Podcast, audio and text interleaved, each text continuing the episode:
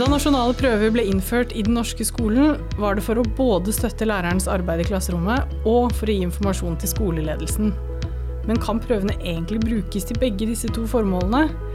Nå har regjeringen sagt at de vil endre nasjonale prøver, så hva er nytt? Det skal vi snakke om i dag i podkasten Læring. Gjester i dag det er eh, Rolf Vegard Olsen, professor ved SEMO, Center for Educational Measurement ved Universitetet i Oslo. Hei. Hei, hei. Og den andre gjesten er Henrik Galligani Reder, stipendiat ved SEMO. Hei. Hei.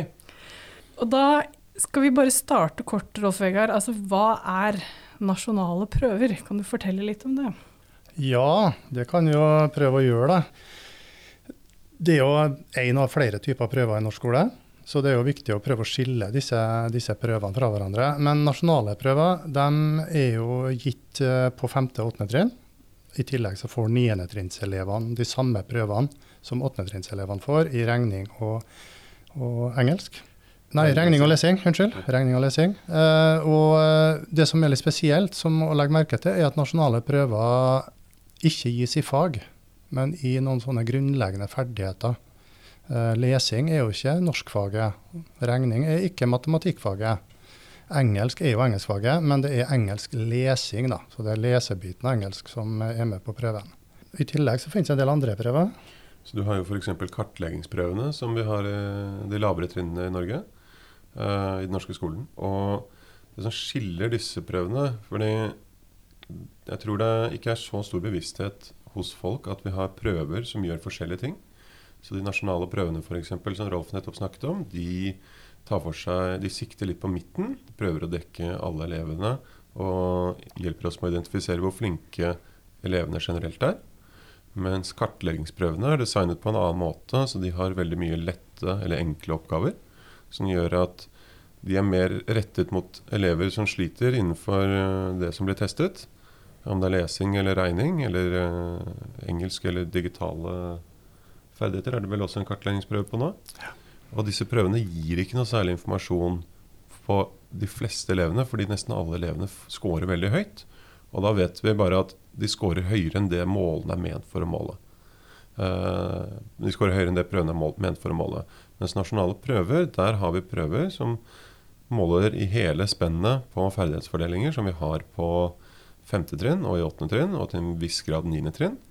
Nå er det åttendetrinnsprøver som brukes i niende trinn, men vi ser ikke noe særlig stor eh, takeffekt på disse prøvene i form av at niendetrinnsprøvene er for lett for åttende trinn. Eh, så disse prøvene fungerer godt for De klarer å fange opp ferdighetsnivåer på et ganske stort spenn. Mm. Men dette har da selvfølgelig noen problemer. Og hva var det du kalte takeffekt? Ja, så Du har en uh, gulveffekt og takeffekt okay. uh, på prøver. Så hvis en prøve er Nå skal jeg bare prøve å ikke blande disse to uttrykkene om hverandre, men de er veldig tett knyttet sammen. Så en takeffekt og en gulveffekt vil si at du bare får eh, elever i enten det øvre eller nedre spennet, så at alle elevene klarer nesten alle oppgavene, eller nesten ingen av oppgavene.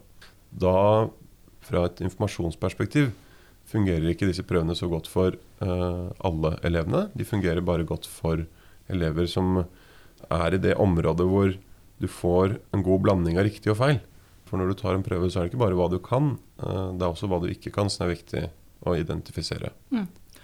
Og nasjonalprøver det gis da til alle femteklassinger i hele Norge, ikke sant? Og det samme på åttende og niende trinn òg? Ja. Mm. Det er ca. 60 000 eh, norske elever på hver av de trinnene som tar de prøvene. Hvert eneste år. Så det er, de, det, det er, obligatoriske prøver. Sammen med noen av kartleggingsprøvene så er de obligatoriske. Og så er det en del prøver som er frivillige. Mm. Eh, så jeg tenker at det er viktig å få med at eh, de nasjonale prøvene skiller seg jo eh, litt fra de vanlige prøvene, som i hvert fall lærere på ungdomsskolen og, og videregående eventuelt, men ungdomsskolen er jo mest aktuelt her. da. De har jo lager også egne prøver. Og jeg tror de vil se at eh, oppgavene i disse prøvene dem eh, kan nok de også ha brukt i eh, oppgaver på prøver hos seg sjøl. Så de er ikke så veldig ulike de oppgavene som elevene er vant til å jobbe med. Men, men det som er forskjellen, er at uh, lærerne skal jo drive med det som heter kriteriebasert vurdering.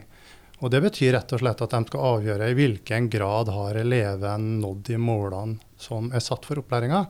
Og, og, med sånne prøver så kan du tenke deg helt teoretisk i hvert fall, at alle prøvene har eh, fullstendig måloppnåelse. Alle, alle elevene får alt riktig, da, for å si det litt enkelt på en prøve. Eh, og Sånne prøver eh, kan lærere godt fortsette å ha. Det er ikke noe problem med sånne prøver. Det er gode prøver for det formålet. Men jeg vil bare få frem at nasjonale prøver har et annet formål. De skal skille mellom elever. Så det er viktig at de nasjonale prøvene er laga slik at noen elever får til mange oppgaver, noen elever får til middels mange, og noen elever vil ikke lykkes med så veldig mange oppgaver. Eh, og kanskje det siste er vel en tradisjon for en norsk skole å tenke at det, sånne prøver vil vi helst ikke ha så mye av. Man vil jo ikke at elevene først og fremst skal oppleve at de mislykkes med en prøve. Eh, det er jo ikke noe særlig godt pedagogisk prinsipp, det. Men akkurat for nasjonale prøvene sitt formål så trenger vi å lage prøver da, som er følsomme liksom, i hele spennet av ferdigheter som Henrik også prata om da, når han snakka om kartleggingsprøvene, som ikke nettopp er slik. da. Mm. Uh, så, så, Derfor så bruker vi heller ikke kriteriebasert vurdering. kan du si. Det er, her er normalfordelingskurven som er litt sånn uh, bannlyst kanskje å bruke. Sant? Du skal plassere folk uh, langs en sånn bjelleforma kurve, hvor de fleste ligger i midten. Og så er det noen få som scorer veldig høyt, og noen som scorer veldig lavt. Men det er de prøvene med de egenskapene som gir mest informasjon for det formålet som nasjonale prøver har på styringsnivå, i hvert fall. Mm. Og da lurer jeg på hvorfor, liksom, hva er målet da? Du sa at nasjonale prøver er ment for å kunne skille på elevene mest mulig. Hvorfor det? Det, det, er jo, det, er jo, rett og slett fordi de nasjonale prøvene eh, blir altså Nå må vi til de to formålene for nasjonale ja. prøver, kanskje. Og, og, de har to formål, og, eh, og, det kommer vi litt tilbake til, fordi det nye systemet skal prøve å gjøre noe med det.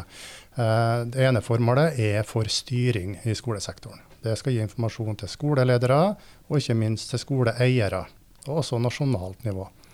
Og så har du det andre formålet, som er uttalt, at det skal gi nyttig informasjon for læreren sitt arbeid i klasserommet med opplæringa. Eh, for det første formålet så trenger vi at prøvene eh, kan skille mellom, mellom alle mulige ferdighetsnivåer, slik at gjennomsnittsnivået for en klasse blir meningsfullt. For da er gjennomsnitt for litt større grupper vi ser på. Og spredninga er også viktig å få tak i. Det er like viktig kanskje å vite noe om hvor stor spredning har vi på en skole. Hvor, hvor, hva er liksom spennet lærerne må jobbe med.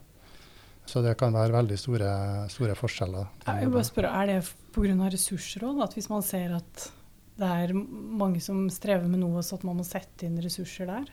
Ja, så Nasjonale prøver er jo kanskje ikke det beste verktøyet for å liksom, uh, identifisere de elevene som trenger ekstra hjelp og støtte. Det kan brukes sammen med annen informasjon. Men kartleggingsprøvene er typisk laga litt mer for det formålet. Da. Mm. Uh, er mer følsom for å liksom plukke opp den biten. Men der har du et problem med kartleggingsprøvene. at Å, å se på gjennomsnittsverdier der på skolenivå eller på kommunenivå eller nasjonalt nivå blir meningsløst.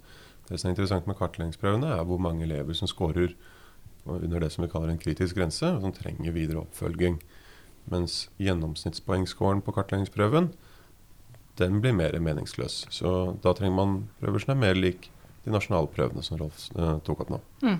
Ja, så tenker jeg at det, det, er viktig å få frem selvsagt at eh, nasjonale prøvene er politisk bestemt at vi skal ha de. Eh, jeg kan mene mangt og mye om det, og det gjør jeg jo selvsagt. Det er ikke hovedpoenget nå.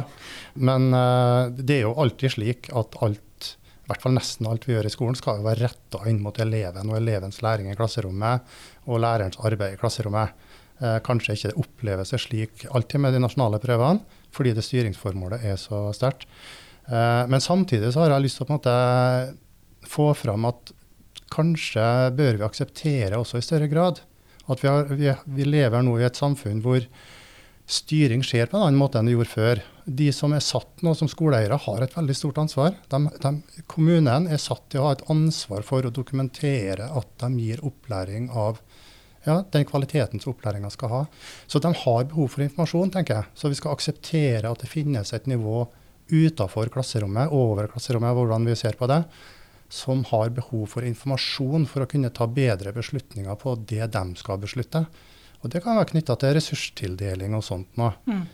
Og Da er jo bra tenker jeg, at i Norge sammenlignet med andre land, så bruker vi jo ikke premiering først og fremst på kartleggingsprøvene. Det er ikke sånn at de som gjør det bra, får lønnsopprykk, liksom. Eh, det er heller det motsatte. At der vi ser at her trenger vi å kompensere for noe, så er eventuelt kompenserende tiltak vi har en mer tradisjon for i norsk skole og ja, norsk offentlig sektor. Da. Men nå har det da kommet endringsforslag når det gjelder nasjonale prøver. Kan dere forklare hva er det de endringsforslagene går ut på? Ja, en, endringsforslagene er, er, å skille de to formålene, rett og slett. Ja. At det, man ser at det kanskje kan bli eh, for mye å ha to sprikende formål for én og samme prøve. Og Undersøkelser blant brukerne viser jo at skoleledere, skoleeiere, er veldig fornøyd med nasjonale prøver. Eh, sto, høy tilfredshet, eller hva vi skal kalle det. Mens lærerne er litt mer mixed eh, bag. Da. De, det er noen som eh, liker nasjonale prøver godt, og så er det noen som ikke liker nasjonale prøver i det hele tatt. Så der er jeg mer, mer polarisert, kanskje. Eller ja, litt mer mixed.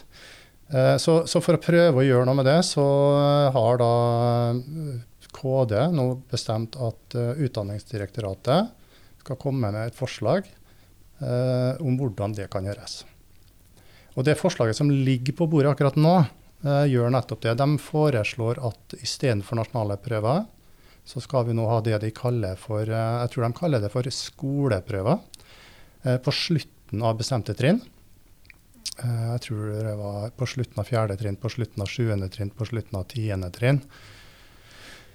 Uh, hvor, hvor, det er skolen som på en måte er under testa. Da, de prøvene skal brukes for styr, det styringsformålet som nasjonale prøver har i dag. Så har man tenkt at man skal innføre noen andre prøver som skal delvis erstatte kartleggingsprøvene og de læringsstøttende prøvene, men også ha det andre formålet som de nasjonale prøvene hadde. Dette skal være verktøy for læreren i klasserommet. Og da ser man for seg at det kan bli ganske ulike prøver. De kan skille seg fra hverandre i hvordan de ser ut. Så en prøve for, eksempel, for å støtte en lærer kan kanskje være en prøve som, som har mer rikholdige didaktiske oppgaver, som man sier. Altså kanskje, kanskje det er litt mer rom for kreativitet for eleven.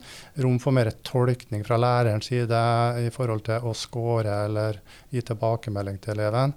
Så fokuset er mer på dette læringsarbeidet da, til eleven på de typene prøver. Men vi får se. De prøvene er ikke laga, det er ikke bestemt hvordan de skal se ut osv. Og så er tanken også, og det er her kanskje Henrik eh, sitt arbeid blir relevant etter hvert, eh, tanken er at disse siste prøvene, disse prøvene for lærere, i tillegg skal ha det formålet å kunne følge elevens utvikling over tid. Mm. Og der er jeg litt usikker på om en sånn type prøve kan fungere godt. Det, det vil, vil, nok Henrik sikkert uh, kunne komme litt tilbake til. Jeg har vel et par tanker knyttet til det. ja, for dette, dette, er da en del av ditt doktorgradsprosjekt, ikke sant? Ja, så jeg har jobbet uh, de siste årene med å undersøke om vi kan, og så gjort det.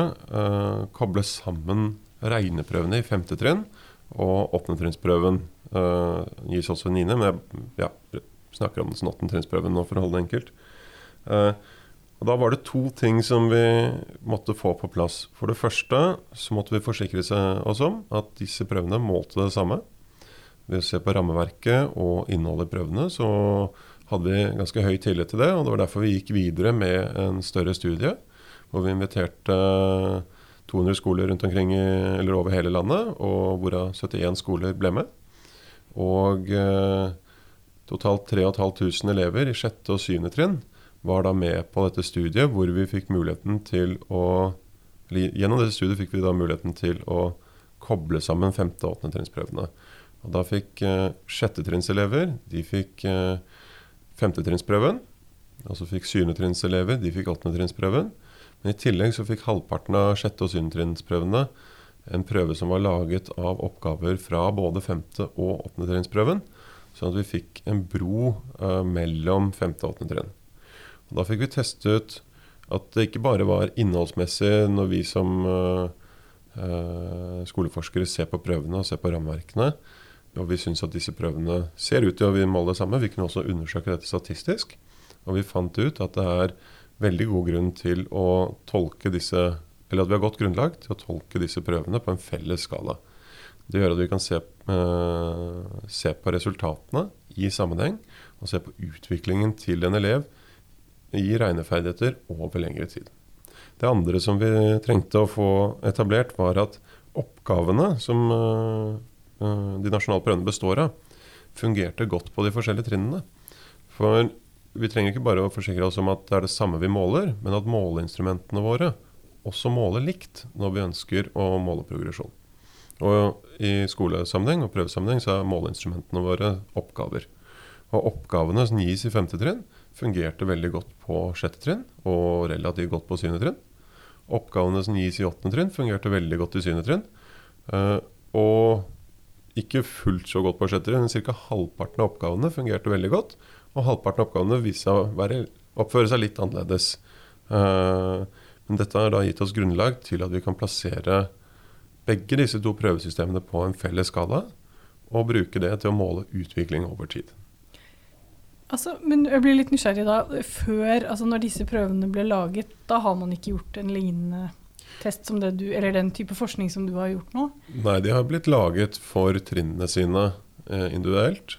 Sånn at du har femtetrinnsprøven. Nå sitter jo testutviklerne på Matematikksenteret. De lager både femte- og åttendetrinnsprøven, og det er naturlig at de har en god dialog eh, om prøvene der. Og at de titter hverandre litt i kortene og sammenligner resultatene. For de jobber begge ut ifra regneferdigheter eh, som et konstrukt. Eller som en ferdighet som vi er på, interessert i å måle. Men om den ferdigheten er sammenlignbar på de forskjellige trinnene, det kunne vi ikke vi ta for gitt. Nei, Så dette er aller første gangen det har blitt gjort? Dette er første gang det har blitt gjort i Norge. Ja. Mm. Du har tilfeller, spesielt i USA, hvor prøver styrer veldig mye av skolesystemet, som uh, har gjort dette. Men jeg tror vi, vi, stiller ganske sterkt i Norge med tanke på at vi har hatt et uh, prøvesystem nå som har vært i, i utvikling, som vi har tatt en del lærdom av. Og så kan vi også se internasjonalt hva som vi ønsker å ta med oss inn i landet, eller ta med oss inn i systemet vårt, og hva vi ønsker å unngå. Mm. Uh, så det er noen lekser uh, for oss å lære fra utenfor grensene våre. Mm. Og hvordan er elevene på femte trinn og åttende trinn i forhold til hverandre? Så det vi så da, var at uh, gjennomsnittet på åttende trinn lå tolv poeng høyere enn gjennomsnittet på femte trinn på femte trinn sin skala. Dvs. Si at 15% av elevene i 5. trinn presterer som en 8. trinnselev eller høyere. Og så ser vi også en lik fordeling nedover på andre siden av ferdighetsskalaen. Eh, noe som gjør at du får veldig stort spenn i ferdigheter eh, i klasserommet, i elevmassen vår på de forskjellige trinnene, som er veldig utfordrende for eh, lærere å ta tak i, pga. at at de da har, elever har veldig forskjellig utgangspunkt, noe som gjør at man ikke kan tilnærme seg dem med samme type undervisningen. Kan jeg bare spørre, Var det forventet at det skulle være Vi trodde det skulle være litt større forskjell. Enda større? Ja. ja. Uh, fra TIMS, uh, Trends in International Trend, Hva heter den igjen? Trends in International Mathematics and Science Study. Det var den, ja. Det er en uh, internasjonal undersøkelse? En internasjonal ja. undersøkelse som gjøres hvert fjerde år i Norge. Der, uh, basert på den så gjorde vi noen antakelser i forkant av den studien vi gjorde, for å uh, prøve at studien vår traff så godt som mulig. Og vi hadde forventet en mye større forskjell mellom femte og åttende trinns eller, eller ja, ferdighetsnivået på femte trinn og åttende trinn. Men det at du har disse tolv poengene da, som du kan forvente som normal progresjon fra femte til åttende trinn, er utfordrende. For det betyr at du har to til tre poeng med progresjon i året fra femte til åttende trinn på denne skalaen. Og da, da blir måleusikkerhet uh, et ganske problematisk element. For måleusikkerheten til de nasjonale prøvene er på 2-3% poeng. Og Det gjør at hvis du bare ser på uh, progresjon fra ett år til neste år ved hjelp av to prøver, så vil normal progresjon ikke være det vi kaller statistisk signifikant.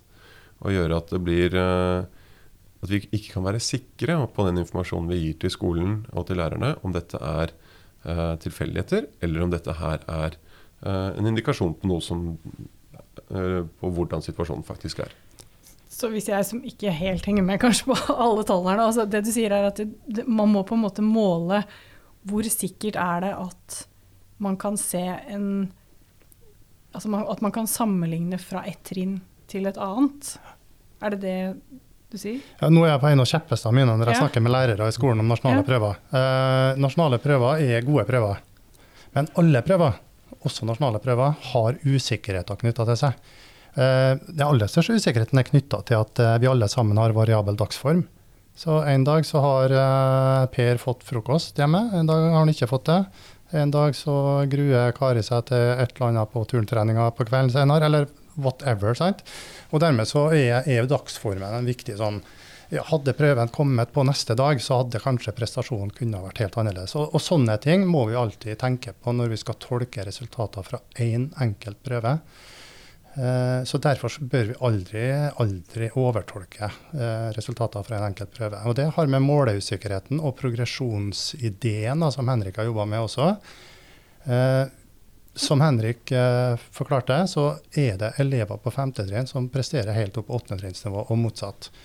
Eh, og, og Det blir derfor viktig å kunne følge måte klassens progresjon, tenker jeg, og, klassens, eh, og følge spredninga av klasserommet, og ikke minst klassens progresjon. Så jeg sier alltid til lærerne jeg møter dem, at bruk først og fremst resultatene fra nasjonale prøver for å vurdere klassen din, ikke for å vurdere hver enkelt person. Jeg vet at det er en forventning der ute til at du skal sette deg ned på foreldremøter og fortelle alt mulig om barnet basert på resultatene på en prøve, men, men det, det kan ikke la seg forsvare rent uh, faglig altså, å gjøre det. Læreren har mye mer detaljert innsikt fra å leve hver dag sammen med det barnet. Så det, ikke legg altfor mye vekt på det her individfokuset. Men klasserommet kan få veldig god informasjon.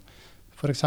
kan en lærer se at i min klasse, så akkurat den oppgaven der, så hadde vi langt færre elever enn vi kunne forvente eh, som klarte den oppgaven her. Kanskje har det vært noe med undervisninga mi.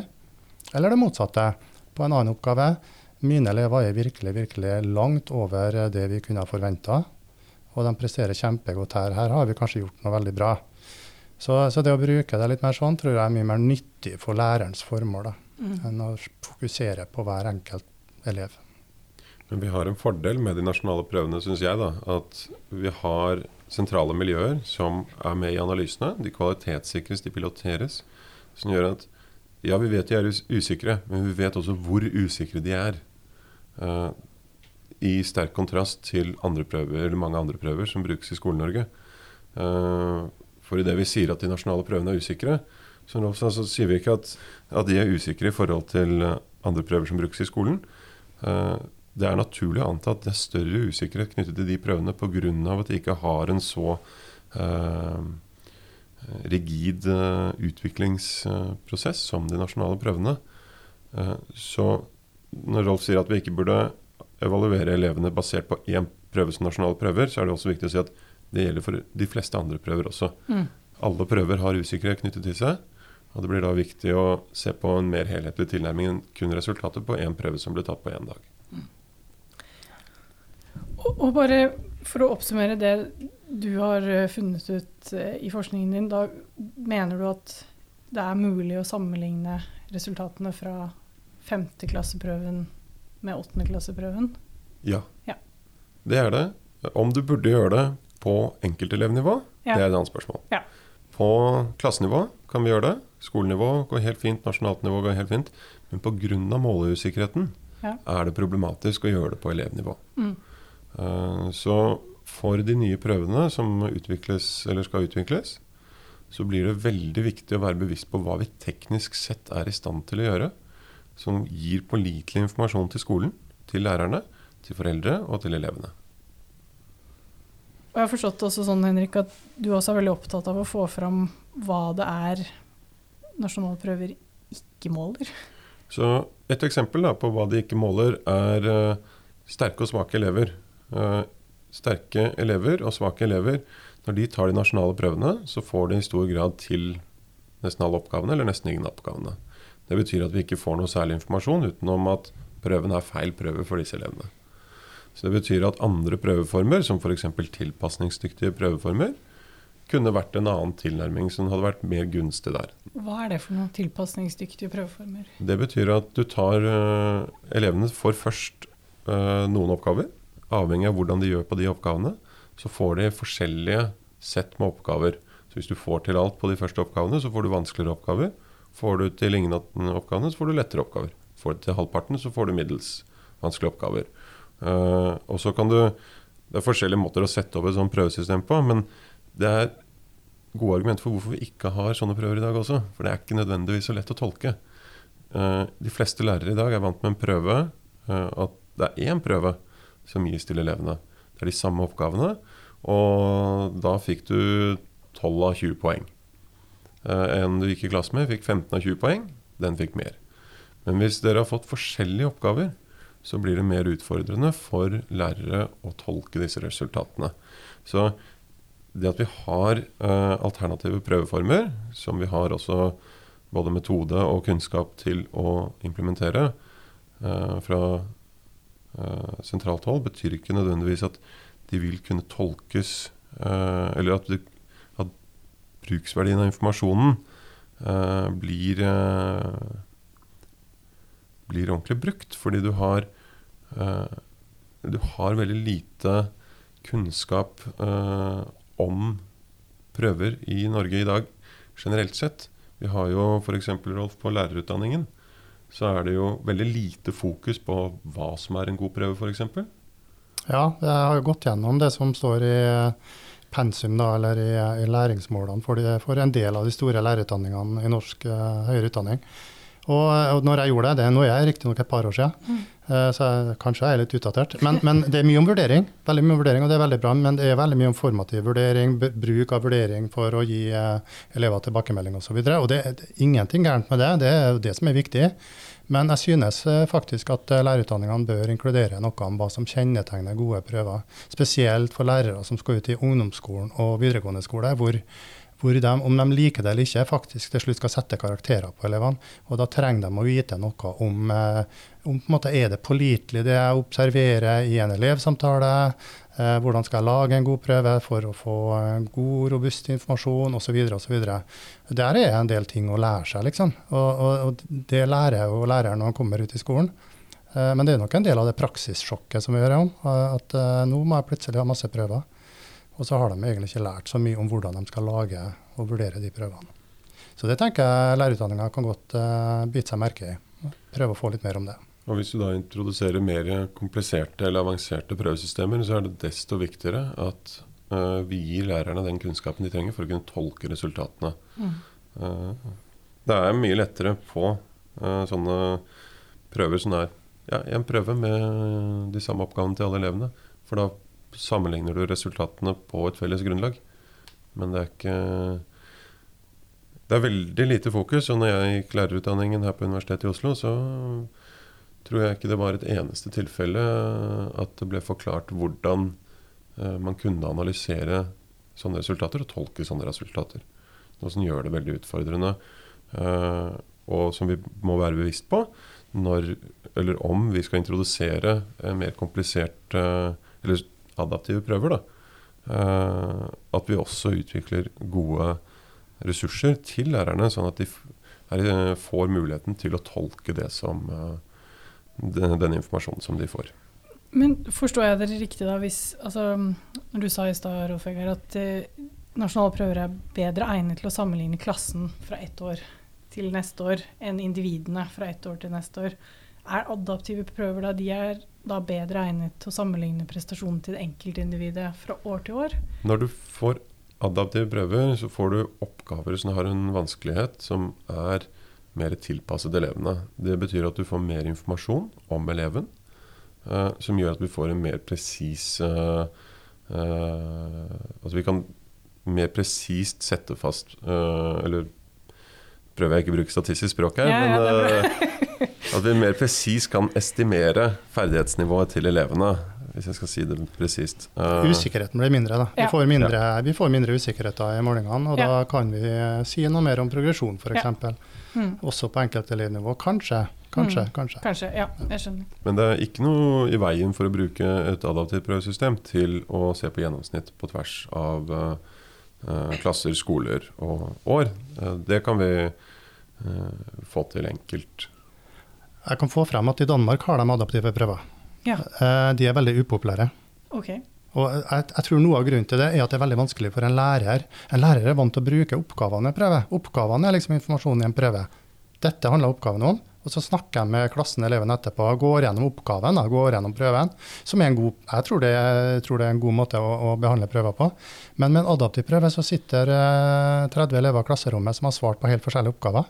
Og da har jo læreren en helt håpløs jobb Mm. eh, å følge opp. Så, så det er en veldig god prøve hvis måling er i fokus. Nå skal vi måle veldig presist. Men det er en dårlig idé hvis du skal gjøre noe godt for klasserommet. Mm. Da er det bedre å ha eksemplarisk gode oppgaver som gir informasjon til læreren, som du kan jobbe med i klasserommet etterpå. Mm. Så i Danmark eh, er det stort, mye bråk rundt det nå. Eh, Har de hatt det hele tiden i Danmark? eh, Nei, ikke hele Nei. tiden. De begynte omtrent samtidig som Norge, kanskje litt senere. Jeg husker ikke helt, men eh, det var rundt samme tida både i Danmark og Sverige. 2000 og Ja, litt sånn tidlig 2005. altså I Ja. Norge kom det jo skoleåret 4-5, og Mm. jeg tror det var litt sånn rundt omkring, kanskje litt senere i Danmark. Men jeg har ikke detaljene helt på plass. Nei. Eh, Men de driver også og reformerer de nasjonale prøvene. Og Sverige har også nasjonale prov, men det, det er noe helt annet igjen. Det, det ligner mer på tentamen i norsk skole. Det er prøver som læreren skal bruke i karaktersetting i fag. Eh, Men det heter det samme, da eh, i de tre landene, men er faktisk ganske forskjellige. Det er interessant i seg sjøl, tenker jeg. I og med at skandinaviske land Vi tror kanskje de er så veldig like hverandre, eh, men ikke på alt. Ja, og nå når det da har kommet forslag om å endre nasjonalprøver, hvilke tanker gjør dere, dere da? Jo, jeg, jeg, tenker, jeg tenker det her gir oss en god mulighet til å eh, vurdere, evaluere det som har vært bra og ikke så bra med det som har vært. Eh, vi har fått fagfornyelsen, så prøvene måtte vel kanskje uansett ha endra seg litt, så det er et godt tidspunkt å, å tenke litt nytt. Eh, og så tenker jeg jeg vil bare oppfordre de som uh, eventuelt har hørt på denne podkasten som er lærere, skoleledere. Det kommer jo forslag på bordet på et eller annet tidspunkt i løpet av kanskje det kalenderåret her. Uh, det blir sikkert høringer, muligheter til innspill. Og jeg er overbevist om at det er røster vi trenger, da, spesielt for den typen prøver som nettopp skal være nyttig for lærerne. Så jeg vil bare oppfordre alle sammen til å følge litt med framover. Jeg vet ikke akkurat når prosessen kommer i gang, eh, men den må jo komme i gang i løpet av året. Eh, så det, det blir spennende å se hva, hva som kommer ut av det. Det er jo også ganske spennende i forhold til at vi har mye ny teknologi. Vi har mye ny kunnskap. eh, som gjør at vi får nye muligheter til hvordan et prøvesystem kan se ut. Hvilken informasjon vi kan få. Og jeg tror, jeg tror ikke vi skal være helt eksperimentelle, men jeg, jeg syns det blir morsomt hvis Eller jeg, jeg håper at vi kan uh, utvikle et prøvesystem som uh, kan gå foran, og som kan gi lærere god informasjon. Uh, for det har vi. Vi har teknologien til det, vi har kunnskapen til det. Og så må vi bare implementere det. Mm. Det var en eh, bra avslutning. Da sier jeg takk for at dere kom og snakket om nasjonale prøver, og hva de måler og hva de ikke måler. Takk for at du hørte på denne episoden. Mitt navn er Elise Koppang Frøyd, og jeg har sammen Gunhild Nedberg Grønli gjort research for denne episoden. Shane Colvin har vært produsent. Du kan følge oss på Det utdanningsvitenskapelige fakultets Facebook-side for mer informasjon. Vi høres.